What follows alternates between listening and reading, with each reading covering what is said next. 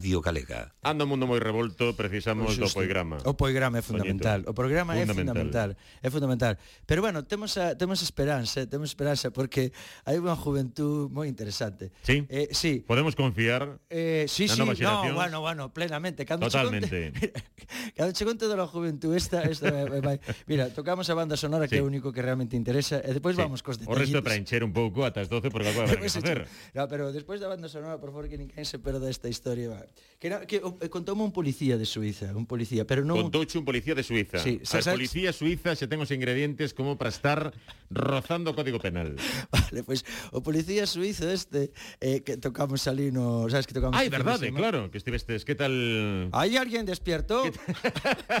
Decía, eu, Suiza, claro, pero estivestes en Suiza cos heredeiros. Sí, sí, que por certo, daqui un saludo enorme á Irmandade Galega de Ginebra, que nos trataron como estrellas de rock and roll. Estou seguro que vai Mick Jagger haría, no tratan a mitad de ben bueno, ben, foi maravilloso. Bueno, vamos acabando a sonar a conto cheo do... do... Oh, mamá, sí. Tal, tío, oh, oh, oh, oh, Me lo con...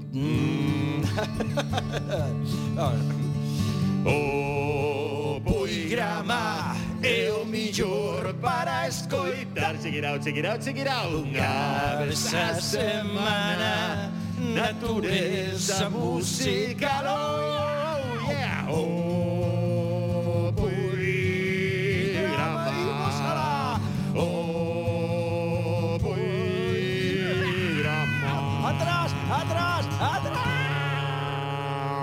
Vale.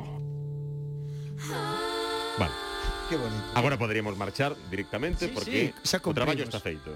E o que xa nos piden, ya está. Xa cumprimos. Mira. Pero Eh, pero vamos a contar esta historia Mira. Eh, Resulta que nada, andaba eu por Suiza e tal E dixe, o sea que estou en Suiza seguro que pasou alguna cousa curiosa por aquí Sí E bueno, hubo detalles, detallitos maravillosos Eh, e es para este policía contoume dous sublimes. Pero policía galego ou policía suizo? Eh, pol, eh, eh, mitad, mitad, porque a ah. mitad ah. dos que hai, a ver, gallegos son todos, algúns saben e outros non saben. Claro. Pero este sabío, este era, era galego nace onde quere. Claro, galego nace onde quere. Pero Concretamente, él era de familia galega, estaba ali de policía como debía ser como un medio municipal, medio así ou medio nacional, que sería aquí un parecido deses, sí. bueno, un curso destes. Sí. Un curso. Faltaba bueno, un CCC. Faltaba pero... un, sí, un, un curso entre un pitufo e un mapache, como dicimos mi hijo. Bueno. Entonces, contoume, mira, vouche contar a primeira, que é maravillosa. Contoume que de repente recibe unha chamada na, na comisaría dunha nai daqui de Galicia, da provincia de Lugo, dun pueblo de Lugo ou por aí cerca, bueno Chaman aí que resulta que seu fillo se perdera nunha estación de esquí. Atende. O sea, que o pero, fillo... Atende. unha estación de esquí no, no. de Suiza. Pero para un momento, este é maravilloso. Sí. O sea, un chaval o sea, que non era tan chaval, non, digamos non era un menor, era un que estaba de, de, de sí. I like a movie, movie, por as pistas de Suiza. Entrou o pánico, perdeuse e chama a súa nai. Sí, que está nunha na provincia de Lugo, nun que está nunha provincia de Lugo, porque se perdera e non atopaba onde estaba o sitio onde quedaran todos para dormir nesas parte hoteles. A nai moveu Roma con Santiago hasta chamar a un policía. E policía chama unha nai de Lugo e dice, oye, que meu fillo se perdeu. E, home, chamar a mamá, ese... Claro, claro. Bueno, pobre, eh, o primeiro que, que claro, vai facer? Ese é, é genial, pero as mamás, increíble. Sí. Por favor, unha vez... Mamá, mamá, mamá. Xa, xa, xa, xa si mamás non facemos nada. Vale. Sí. Bien, e este para introducir este que che vou contar ahora, necesito antes, ti sabes que o noso grandísimo artista David Perdomo ten ese Perdomo, ese Perdomo tal. Entonces ten sí. un personaje que distin, que é moi surrealista que, "Hola, son eh, Francisco José Edelmiro tal, pero a partir de ahora podéis chamarme Rapasambamba. Sí, sí, sí, sí, sí. Tal, que é maravilloso, sabes? Oh, sí. Oh, sí, tal, que pois se que así tal. Cool, eu cool. vou aquí a respirar, tal, porque Sí. a mí eu tiño ganas realmente de repartir. Entonces, claro, a quentarse. claro, Por favor, se algún día están algo aburridos, busquen a David Perdomo en YouTube, que eu teñen respiro, alegría garantida. Claro, eu respiro, sí. entonces aí xa me tranquiliza tal. Sí. Eso, andar unha convención social, entonces vai a rolos así, compren pienso biológico. tal. Bueno, pues, este tipo Bueno, pero resulta que este policía vai un día ao parque durante o confinamento, está facendo unha ruta, eh, unha ronda destas, había un grupo de chavales así nun parquicito tal e dille, atende, isto é completamente real, dille, hola, ta, oi, que facedes aquí, e tal, onde de certificación? E dille, dille, les, completamente en serio, que aí non teñen a retranca nosa, claro, claro porque se, se fora correcta, porque isto pasa aquí e, e non, non, non, non tería esta relevancia. E dille, les, somos ciudadanos del mundo. Díxolle iso, non? Díxolle eles, Ajá. claro, o policía xa quítalle o botón da porra. Vaya quitando seguro. Vaya quitando seguro a porra. claro. Bien. Eh, vamos a ver. Eh, claro. Sí. Bien, segunda pregunta. Bueno, pero no puede identificarse, o sea, cada uno por sí mismo. ¿no? mundo, o sea, pero ¿de qué mundo? ¿De qué? Claro. Iso, no, nosotros somos un uno con el cosmos, somos todo uno. Dixo iso. Pois así como eran, así os meteu no furgón. Ainda non dixera uno e xa estaba no programa. todos e e digo, non me podo creer que haya personajes que, que a realidad superficción. Somos del mundo. Bueno, va, vamos a ver. bueno, entonces, non nos pode, no non nos pode extrañar que que, que eh, hai un outeiro eh, cerca de Mondariz que, que pasen cousas como esta chamas outeiro de Peralta e eh, mira a ti atende isto por favor hai un outeiro no Concello de Mondariz que se chama Outeiro de Penalta, que fai límite entre dúas parroquias, a parroquia de Queimadelos e a parroquia de Lougares, e desde el, en un lugar elevado, pois eh, as familias, os pais e as nais de nenos, sobre todo de nenos doentes, enfermos, subía cunha, cunha vestimenta eh, concreta e levaban unha muda para nese outeiro, unha vez que chegasen ao alto, eh, cambiarlle de roupa. Vale. Sí. A ver, que opinas deste en principio? A ver, que pasa aquí? É que isto é maravilloso, o sea, levas a un neno, a un outeiro alá arriba, o sea, un outeiro chupando un frío tal, levas unha roupa, desvístelo e deixas esa roupa no outeiro e poses unha roupa nova e baixalo para baixo. Sí. Hai algún motivo para eso? Tranquilo, seguimos. O neno non era moi querido, non? No. Para que colle unha gripa alá arriba. Collera unha... no, no. Pois isto era por este motivo. A idea, lóxicamente, era que cambiando de roupa nese outeiro, desde o que se vían esas sete parroquias, insisto, pois eh, coa roupa que o neno subía e que abandonaban des, nese lugar, pois ali eh, que eles lóxicamente querían que quedase tamén a súa enfermidade. Ah, eh? con, que quedase no outeiro co, coa roupa bella que ali abandonaban de tal forma que baixaban ao neno de novo o pai e a nai cunha roupa nova, cunha muda eh, que acababa, acababa de estrenar arriba no outeiro e desa forma, pois eles esperaban lóxicamente que, que, que son deixaban, deixaban a enfermidade atrás e o neno baixaba vale. sano Era coa nova, coa nova sí, roupa poden, podo retomar isto gracias, porque, grazas, grazas, grazas, gracias. Sí, sí, sí, sí, eh, eh. Alberto, eh, este que nos conta isto, Alberto Alberto Reboreda que eu digo, bueno, non me podo creer que, que fagan isto. Vale. Ten un sentido este místico, neno... non? O de levar os rapaces de deixar ali a enfermidade cambiando de roupa, entendino ben. este tamén había que meter un frujón, no, pero vamos a ver. Eh, a historia que supoño que estas enfermedades teñen máis que ver cun carácter máis adolescente, non? A mellor non dixo que sea que leves a unha persona ali para empastarlle unha muela, que ten unha muela picada, voulle cambiar a roupa e así veme curado. No, ibas, vale pero atende que nesa parroquia máis ou menos a altura esa de, de Mondariz e tal, eh, redor eso de Outeiro de Penalta, hai unha ponte que atende Ai, Dios mío, isto sí que é tremendo. Facían o bautizo prenatal. O sea, bautizaban o neno non non antes de nacer, non, antes de que de, que, de... de ser concebido. Ese é o que no quería dicir. Ser. Como que non pode ser? Mira, isto vamos a escutar... Que, que porcentaxe de éxito sabes que vas ter? Como vas a ver? Igual tipo, a ver. Oye, oye. Na Fonte Cernadela hai a tradición do bautismo prenatal eh, as parellas que tiñan dificultades eh, para, conce para concibir eh, no tempo no que non había clínicas eh, que, o que, so, que era o que facían? Bueno, pois pues, acordaban un xunto a parella acordaba acudir a esa ponte eh, con comida, comida. con comida, pero comer. para cear, nunca para xantar.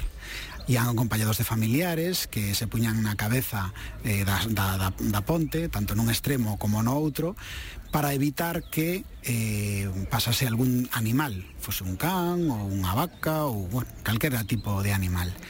Mira, atende, isto sí que é maravilloso. Dá menos traballo adoptar, eh? Se che digo, non, non quero tampouco... Atende que non acaba aquí, atende. Este simplemente... Que traballo e tens que facer moitos papeles e tal, pero isto é un... complicadísimo. Mira, a mí gustame de comer, por menos comer hai que comer. Atende, claro, se unha parella non podía concebir, iban a esta ponte, entonces cos familiares, elevaban comida, pero pasear. Mm. Dijo se no inverno, bueno, non pasa nada. Me dado frío, bueno, non pasa nada, van, vas a a cenar.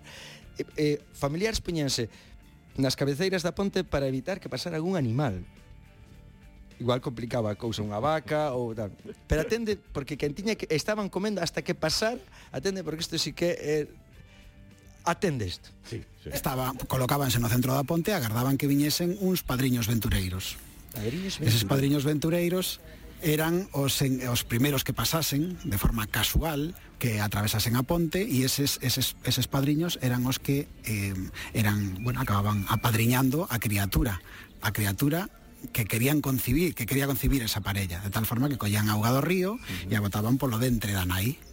Eh? E unha vez que depois de botarlle ese auga por, por riba do ventre da nai, eh, comían a, bueno, pois pues todo o que traían preparado da casa, non? Oceaban ali. O asunto que unha vez que acababan de cear, as obras non podían levalas consigo para a súa casa, senón que as deixaban ali. Para as deidades, vale. O sea, mira ti o, o, o revirado que todo isto, o sea, tiñas que levar comida, non podías comela, o sea, xa tiñas que levar algo máis tipo tortilla, así. Sí. Porque claro, pois se enfriaba, claro, claro carne claro. caldeiro xa non é. Xa vale, ese eh, tiñas que esperar a que pasara alguén entre tanto vigilar que non atravesaron un can. non estaban preparados os que pasaban e, por e, ali. Os que pasaran tiñas que tiñas que ser seu padriño, claro, tiñas, oye, queres ser un padriño. Eles, entonces os padriños, estes ventureiros, estes de, de, mm. casual, de casualidade, collían agua do río e faltabanlle na barrixa a supoño que a, a Pero muller. Pero que dicir claro. yo, porque eles non saben nada. Claro, no, eles non saben nada, eles tivas eso como se estivas pasando por unha ponte, sí. yo, mire, por favor, unha señor, comunidade aí comendo que serán os Hare Krishnas, quen serán, claro. non no sabemos. Estamos un pouco con escepticismo, pero E vai, e desde que ti mismo pasar na barrijiña a unha, a unha señora que non conoces de nada. claro, pasar que, que podía ser o señor tamén, o mellor a culpa é do señor. Tamén. que non sabemos. E entre, entre todo isto, sí e o intento de, quero dicir, ten que pasar moito tempo, no, eh, bueno, caduca, hai un tempo... A ver, supoño que habrá que facer algo máis que pasar algo pola barriga, claro. Claro, pero, pero igual... Xa no pode... será chollo da parella, digo. Xa, pero ten tamén... que ser esa mesma noite, poden pasar tres días, por exemplo, que sí. se un venres hai lugar, non te apetece, esperas o día seguinte. Sí, pero, por exemplo, ta, eh, pues, tamén podía ser o traballo dos ventureiros eh, eh, a eh, padriños que tiñan que ben, meñor, meterse máis... Que pagan algo máis. máis en funduras. Vale, pero atende, porque isto realmente tiña resultado. ah, sí? amigo, en, en moitos casos nesa aldea dou fruto. E, e como daba habitualmente fruta que este curioso, macho, que de verdade eh, Hai un, estamos... vamos, unha causa efecto, vese que se sepa. Vamos, dijo que a mitad dos habitantes naceran así, pero No, no. Pero atende, e fíjate cando cando finalmente nació o neno, pasaba isto.